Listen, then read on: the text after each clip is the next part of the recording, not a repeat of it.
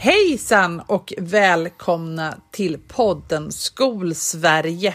Eh, som finns överallt där poddar eh, möjligtvis finns och på skolsverige.com. Eh, det är en podcast där vi behandlar veckan som gått i just Skolsverige, Jakob. Och vad tar vi upp denna veckan? Den här veckan pratar jag framförallt om Torsåker. Karin, vad pratar du om? Jag pratar ju om det virus som har drabbat mig och många andra den senaste veckan. Eh, nämligen covid-19 och eh, konsekvenser. Med andra ord, med andra ord väldigt lite om skolan. Men Nä! det kommer handla om skolan också, jag lovar. och vill du veta mer då får du lyssna även efter gingen. Det är så det funkar. Det här är Skolsverige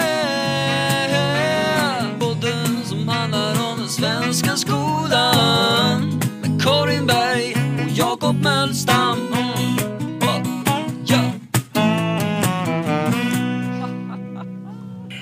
Ja du Jakob, vad är det för avsnitt denna veckan?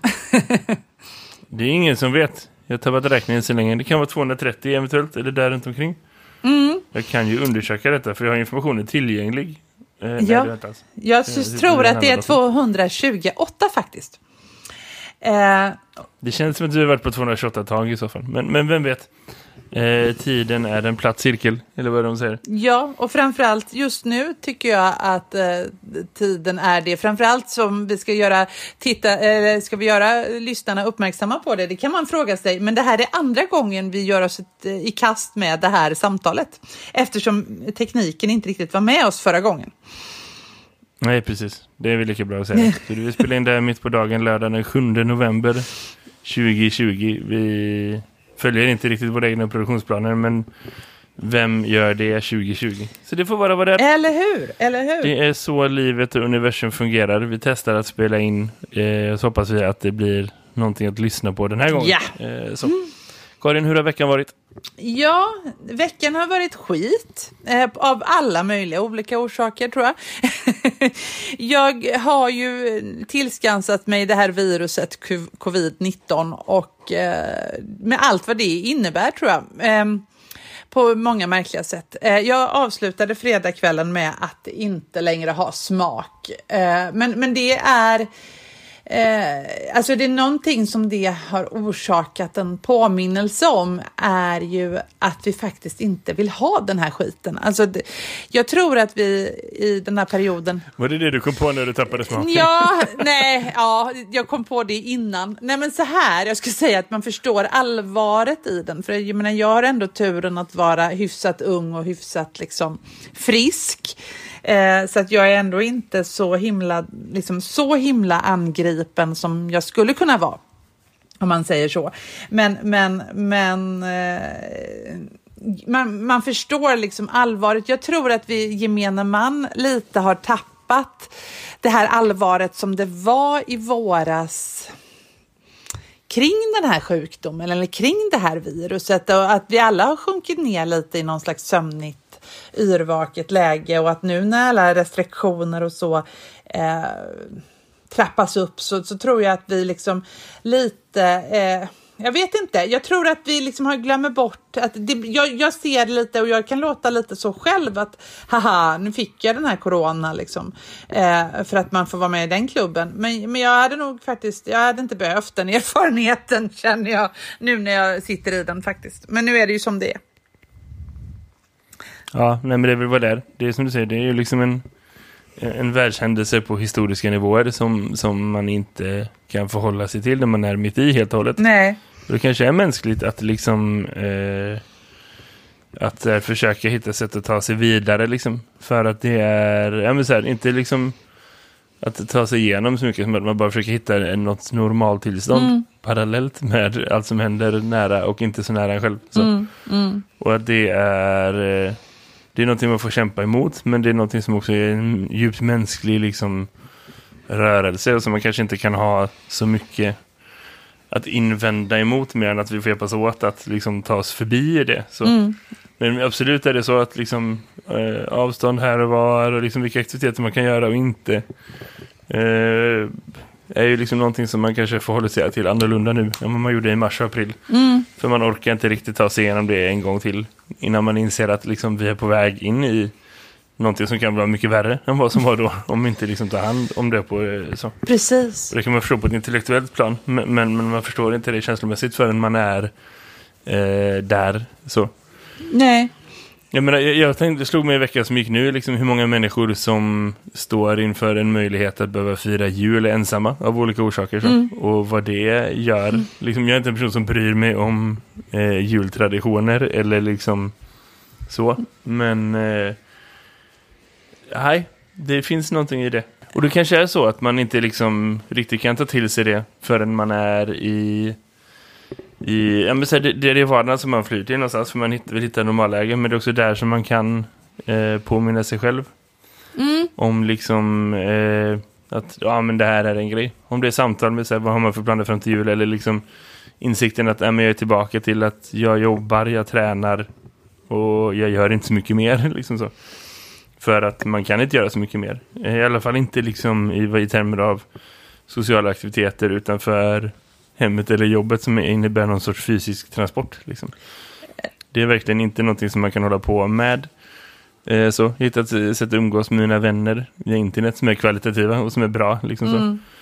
Och eh, det är supernice. Men liksom eh, det är inte alls samma sak. Så när igen där man går in och begränsar sig eller man är liksom obekväm och tänker så här, borde jag träna?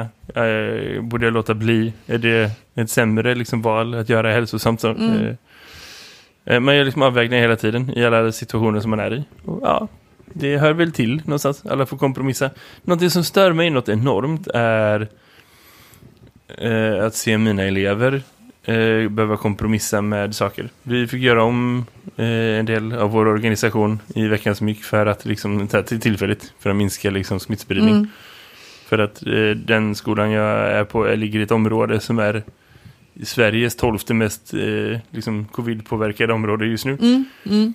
Så det, det, man behöver göra lite så här, förändringar för att det ska bli bra. Så. Och hur de är liksom så här, nej, de är ganska okej med det. Det är liksom, eller de, de förstår ju liksom. Mm. Det är ingenting man behöver förklara. Och det, Eh, det är inte jag riktigt okej med.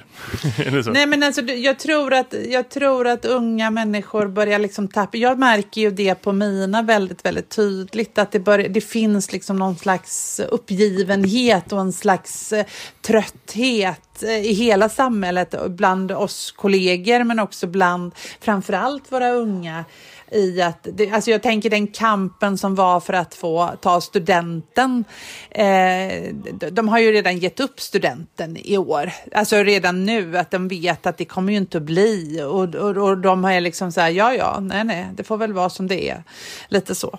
Eh, Nej, men jag, jag skulle inte beskriva det som trötthet. Det kanske är olika, olika åldrar, olika generationer och liksom hur man ser på sin roll i samhället. Och liksom så. ja, Men, men jag, jag beskriver inte, jag skulle absolut inte säga att mina elever är trötta, det är absolut inte. nej. Det är snarare tvärtom. De är väldigt så här, ja ja, nej nej men det får vara så. Och det är liksom, de fattar. Men jag bara tänker att det är liksom en väldigt så här, snarare en, en mogen insikt.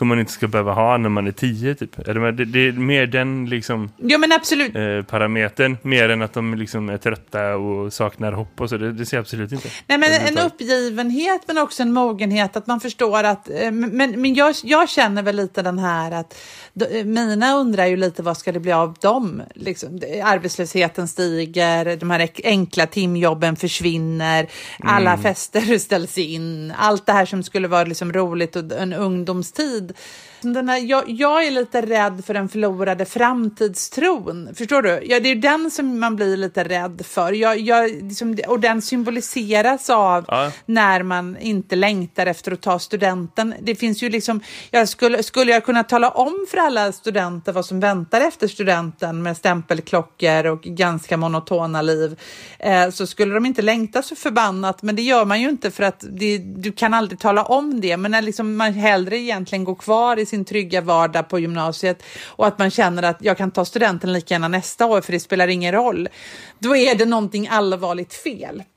Det är lite så jag tänker. Nej, nej, visst, jag förstår. Man måste liksom eh, garantera att det finns bra omställningar även för de som är liksom i det här, mitt i det vuxenblivandet någonstans. Ja, men precis. Eh, liksom möjligheter till utbildning eller fortbildning efter liksom eh, examen. Ja men eller hur, och jag tror att vi skulle behöva lite fler sådana påminnelser i vardagen i skolan. Att den markerar att titta här, vi har någonting som inte vi brukar ha. Den, de typen av dagliga påminnelser skulle vara bra om man liksom på en skola faktiskt funderar på hur ofta påminner vi om oss om att vi har covid här så att vi kommer ihåg att tvätta händerna och eh, den typen av eh, liksom Eh, ja, förstår du vad jag menar? Alltså bestämda platser i klassrummet eller att varje timme så måste salen vädras eller sprita händerna eller jag vet inte. Men den typen av eh, schema tror jag vi skulle må bra av. Eh, eller vad tänker du? Ja, vi behöver mer, påminnelser, vi behöver mer ja. påminnelser, absolut. Det, det köper mm. jag rakt av. Eh, så. Detaljerna kan jag inte förhålla mig till. Men, och jag tror att det är olika väldigt olika verksamheter. Ja. Men apropå vardagar och påminnelser och så, så tror jag att man kan ju... Alltså det skapas ju liksom när man minst anar det. Eh, sen ett tag tillbaka så har vi utvecklingssamtal på distans. Jag är klar med nästan alla. Jag har en handfull kvar. Mm. Eh, så är det ett samtal i går eftermiddag. Som av olika orsaker inte blev på distans. För att det gick inte att genomföra så. Så vi fick vara på plats och det var vädrat, vi hade avstånd, det var bra. Så Eh, och det var ett bra samtal. Men, men sen så eh, avslutades det med att vi sa hej då. Jag säger då till den här eleven. Vi ses på måndag, ha det gött. Och så sa jag hej då till den här föräldern som jag aldrig träffat förut. För det är liksom nya mm -hmm. elever. Eh, och det var så konstigt bara det där ögonblicket där vi sa hej då. För då insåg vi liksom båda två att så här, det är ju ingen av oss som har någon aning om när vi ses igen. Eh, så. Hon skickar sitt barn till skolan varje dag och, och jag tar emot och liksom så, vi jobbar ihop runt den här personen men det finns inga förutsättningar för att vi ska ses. Liksom, det är klart att vi kan ringa, det är klart man kan skicka meddelanden. I en digital tid så kan man ha bra kontakt ändå och det är tur. Men liksom i de åldrarna där jag jobbar så träffar man ofta föräldrar ändå. Eller äh, någon avslutning eller så. Det, det finns liksom ingen det finns ingen tidshorisont överhuvudtaget så det slutar bara med att vi var så här, ja, ja vi ses en annan dag. Och så var det liksom, ja. Det kan vara 2021. En så gemensam förhoppning att det, ja men så här, att, precis, det var en gemensam förhoppning. 2021 är lågt räknat. Alltså, jag tror vi tänkte så här, nästa gång det är samtal om ett halvår så är det inte säkert att vi ses ansikte mot ansikte. Så. Utan att det, det, kan vara liksom, ja nej men så här, det kanske kommer en dag utan corona, vem vet. Det var liksom det som var liksom mellan raderna i det utbytet. Och sen så, ja, då. Och så kan man ha det med folk som man inte känner så himla bra. Mm, men å andra sidan kan man ha det så som med någon som man känner ganska så bra som man haft en podd ihop med de senaste fyra åren eller fem åren eller vad fan det är. Som inte har sett. Vi har setts på ICAs parkering sedan i mars en gång. Det tycker jag är roligt. Uh... Det har sett en gång på ICAs parkering sedan i mars. Det är sant. Det är ändå åtta månader nu. Alltså det är så här, det finns ju en gammal rysk studie, en gammal rysk studie, den är kanske tio mm. år från, man har försökt återskapa det i USA mm. också. Där man har kollat på så här, vad, vad är det för, för sociala effekter på människor som eh, spenderar långa tider i rymden. Så om man ska åka till eh, en annan planet eller ja. så. Så då gjorde man ett försök där man liksom simulerade en eh, rymdresa. Jag tror det var 500 dagar. För det var det man räknade skulle ta. Att åka till Mars och tillbaka. Och att vara där meningsfull tid. Så. Och vänta in liksom mm. en bra period att kunna åka tillbaka. Och så. så man liksom byggde en... Mm. En liten kapsel, en liten container någonstans ute i någon öken. Och så liksom simulerade man så här radioavstånd så att man kan skicka signaler som tar längre och längre tid. Och liksom så. Det känns som att alla vi människor mm. går igenom någon sorts så här, steg två-studie av precis den forskningen just nu. På något plan. Och det är en del av den mänskliga erfarenheten också. Och det är liksom, man måste bara stanna upp och vara i sin vardag och tänka att ja, ja, det finns fina saker i det med. Det finns det. Det finns absolut Men fina. så tror jag också att man måste stanna upp och tänka vart kommer det här in i ett vidare perspektiv? Är du med? Mm. Vi, man mm. tänker så här, men det här är historiskt. Det, det var något av det första jag kände i, i så mars, april, liksom att det här är... Det var så många saker som, var så här, som ändrades för första gången på hur länge som helst. Att man tänker så här, det här är... Det är vår generations liksom stora händelse som man kommer att minnas så. Och, eller våra mm. generationers mm. får man väl säga. Eh, så, och det är rimligt. Mm. Mm. Sen var jag med med grejer på jobbet igår som eh, händer när man arbetar med yngre elever och när man arbetar liksom nära kollegor och tematiskt och så. För då blir det att man ibland hör lektioner om saker som man inte själv riktigt undervisar i så ofta typ. Eh, men så är vi ett ämne som integrerat arbete just nu som där jag ibland får hålla mina ämnen och mina lektioner är superbra. Och där det ibland är att jag, om som igår skulle hålla en lektion för mina elever om stormaktstiden. Och stormaktstiden på årskurs 4 nivå, jag fixar det. Det är inga problem, jag, jag kan ta det så. eh, det låter jättekul. Ja, ja, nej, nej, det var nice. Vi jobbar med det ett tag. Mm. Det finns också kopplingar till eh, natur och teknik och så, så det, det passar mig bra. Men då var de inne på det här med mm. häxprocesser. Det är ett samtal, vi pratade om vad det var och liksom vi de gjorde lite uppgifter och sen så skulle de se en, en produktion från UR som var liksom en förklaring eh, om, om det här med häxprocesser. Som inspelar på ett sånt sätt att det är en, mm. ett barn i typ deras ålder, kanske lite äldre, som har liksom fått repliker att läsa upp. Eh, om liksom så, så är det berättat med någon historiker och lite olika liksom så röster och personer berättade som berättar om det. Och vid ett tillfälle så konstaterar de att i Torsåker utanför Kramfors där dödades i särklass flest människor i häxprocesser. Eh, och sen kommer de in på en ganska så här opartisk men ändå jävligt hård beskrivning av liksom eh, situationen just i Torsåker. Bland annat så säger de i en mening så här Ja men i Torsåker fanns ingen respekt för mänskligt liv. så man bara Nej, men... jag vet inte, jag tänkte säga det här är ju en diss av ett samhälle som är liksom 400 år senare så går det fortfarande att säga att nej, i Torsåker där fanns det ingen respekt för mänskligt liv. För det var liksom så brutalt som man bara köttar folk åt alla håll och kanter. Eh, och så, det som slog mig då var så här, de som var ansvariga för det här på 1600 någonting talet fattade de vad de höll på med i ett historiskt perspektiv? Förstod de att liksom det här är någonting som eh, mellanstörre elever kommer att lära sig om, om nästan 500 år. För att det är på den skalan av hur rubbat det är. Eh, och så tänker jag, nej men det kanske de inte gjorde. Men hade de vetat, hade de ändrat sig? Ja, kanske, kanske inte.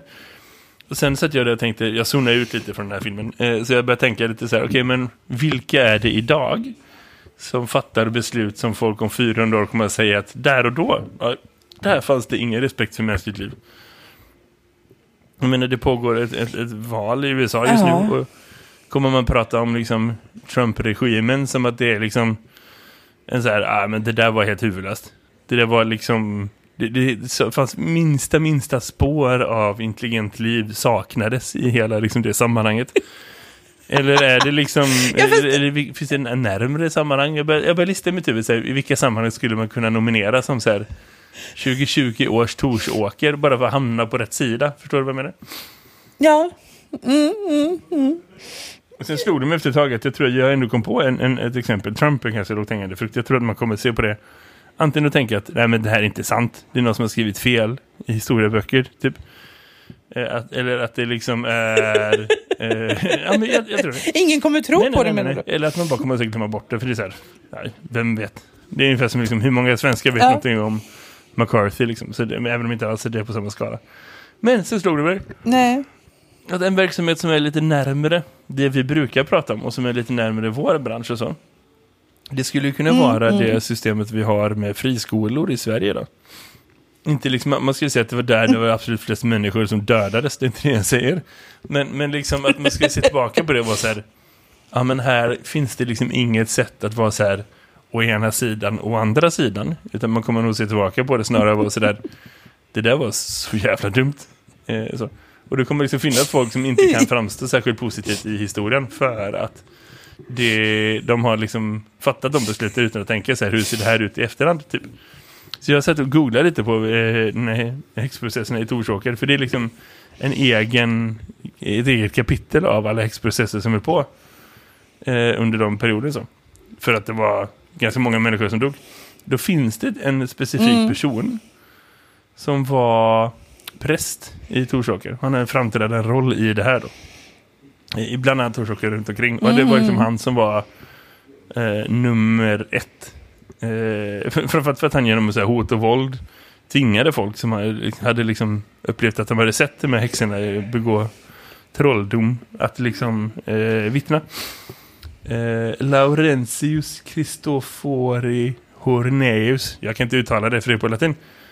En person som mm. eh, är väl dokumenterad som liksom spindeln i nätet det är ju imponerande då. Att man kan vara så dålig att man liksom 400 år senare fortfarande har både en plats i mellanstadiets historieundervisning och i Wikipedia liksom. För att man bara helt enkelt inte fattade vad man höll på med.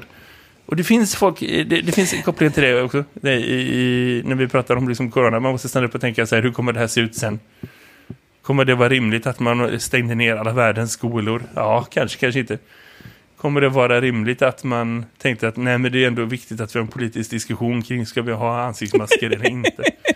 Kommer det vara rimligt att man liksom, vet, det finns så många jo, parametrar av det här. Där man, kommer det vara rimligt att Storbritannien prioriterade att öppna pubbar innan de öppnar skolor? ja, och sen kan man ju verkligen, inte. verkligen, verkligen diskutera det här. Alltså, jag tycker den är rolig, det är parallell till, till friskolorna. För vi är ju faktiskt ensamma om den marknadsskolan vi har i Sverige. Den är vi ju ensamma om i hela världen.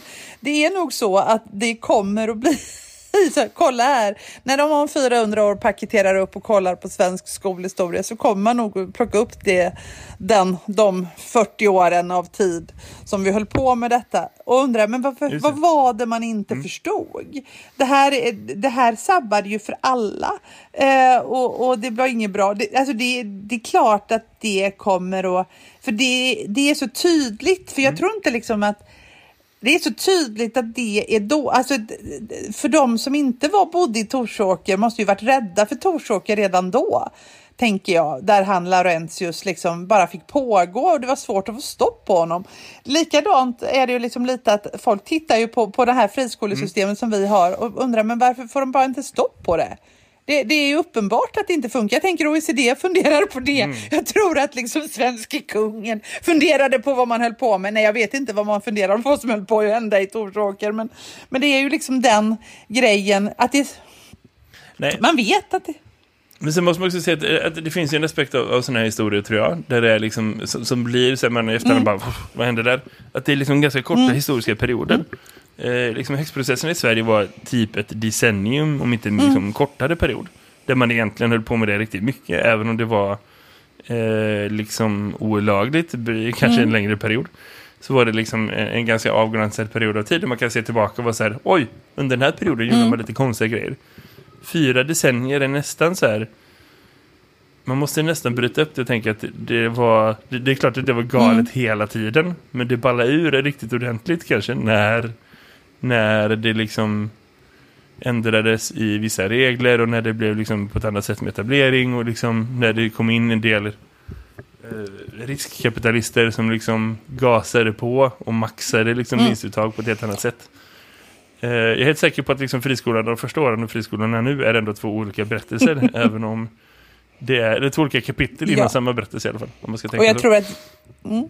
Men ändå, jag, jag, bara tänker så här, det är spännande att ibland fundera på så här, okay, men vad, det som händer just nu, hur kommer det komma tillbaka mm. sen i historien? Vi är inne i en väldigt historiskt signifikant mm. period, känns det som, när det kommer till corona och hur det formar samhället. Och det kommer säkert forma generationer av barn, unga och vuxna och eh, äldre så i den utsträckningen som det gör. Eh, för att vi gör uppoffringar mm. som som ändå präglar oss på olika sätt. Och det måste mm. vi vara vaksamma för. Men också liksom ta på allvar och tänka att det är någonting som man ska göra någonting bra av. Och det finns andra perioder. Alltså, om vi blir kvitta Trump, det är liksom slutet på ett kapitel som vi kommer behöva minnas mm. ett tag. Och, ja, men så här, det finns överallt hela tiden. Och, och någonstans tänker jag att eh, vill man vända Torsåker till någonting positivt så kan man väl tänka att det kan bli ett varningens tecken att liksom hamna inte där. Inte geografiskt, om du är någon sorts kvinna som håller på med någonting som inte passar prästerna, men också liksom eh, rent så här mentalt. Att liksom, om vi allihopa går genom livet och tänker att vi ska inte bli det nya Torsåker, då tror jag ändå vi hittar lite ja, mer... jag tror att det, det och att inte dras med utan att faktiskt stanna upp och fundera på, vänta lite här nu. Eh, vad är det här? Det här kan inte vara bra. Eh, eller, eller att man lyssnar. Jag har en fundering Karin som du kan få fundera på medan vi zoomar ut, ut i eten. Om du skulle bli beskriven i en historiebok om 400 år, vad skulle du vilja att det var för? Är du med? Det är kanske inte en fråga man kan svara på på rakt, eh, så här, bara stående fot, ser man så. Men, men det är något, något att fundera på. Om man, om man tänker så här, jag ska inte vara torsåken, vad vill man vara istället då? Ja, nej, men det kan man fundera ja. på. Eh, det ska jag gå igenom den här dagen medan jag fixar och donar för mig själv. på min kant, långt bort Ja. från alla andra. eh, ska jag tänka på det. Det kan man fundera på, hörru du. Eh, ja, det, Japp. jag, ska, jag, jag är inte säker på dock, Jakob, om jag, att jag vill bli ihågkommen om 400 år. Det kan man ju... Ja. Ja, det får vi se. Eh, eh, för att då behöver man nog ha gjort något dumt, tänker jag. Ah, det finns ju folk som kommer in i stora böcker för att Ja, de är coola då. grejer också. Även om det kanske bygger på en viss mått av PR. Det kan vi läsa, Karin. Du, det är dags att börja runda av det här avsnittet också. Eh, det blev inte ett avsnitt utan två, men ändå ett. Eh, andra gången gilt. Vi hoppas att det här når en poddlyssnare någonstans. Annars vet jag inte vad den här senaste timmen var värd. men det, det är ändå kul att prata. Det är roligt. Ja, det blir säkert jättebra, hörru du, Jakob. Och eh, vi hörs igen, helt enkelt. Ha det bra! Det gör vi. Ha det gött, hej. Det här är Skolsverige Podden som handlar om den svenska skolan Med Karin Berg och Jakob Mölstam